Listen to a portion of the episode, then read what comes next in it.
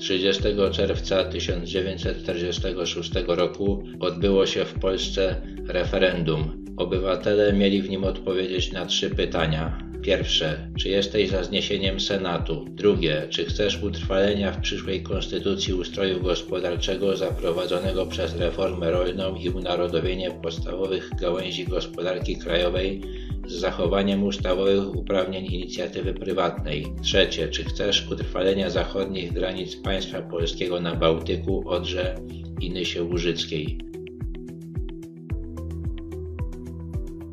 Komuniści przeprowadzili to referendum, ponieważ chcieli odwlec termin wyborów do Sejmu, które według obietnic złożonych państwom zachodnim miały być wolne. Chcieli też sprawdzić swój rzeczywisty wpływ na społeczeństwo. Polskie Stronnictwo Ludowe, które było jedyną legalnie działającą partią opozycyjną wobec komunistów, wzywało do tego, by odpowiedzieć nie na pierwsze pytanie, Zrzeszenie Wolność i Niezawisłość, które było kontynuacją Armii Krajowej, wzywałoby odpowiedzieć nie na pierwsze dwa pytania, natomiast Narodowe Siły Zbrojne wzywały, aby odpowiedzieć nie na wszystkie trzy.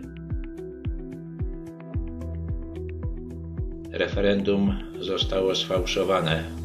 Prawdopodobnie podrobiono wszystkie protokoły obwodowych komisji wyborczych, a było ich ponad 11 tysięcy. Prawie 6 tysięcy podrobili specjaliści sowieccy, a pozostałe zapewne funkcjonariusze Polskiego Urzędu Bezpieczeństwa. Według oficjalnych danych referendum było wielkim sukcesem polskich komunistów. Prawie 70% ludzi miało odpowiedzieć trzy razy tak. W rzeczywistości społeczeństwo wypowiedziało się przeciwko ich władzy, ale nie miało to żadnego znaczenia. Doświadczenia zdobyte podczas referendum przydały się podczas wyborów do Sejmu, które przeprowadzono w roku 1947.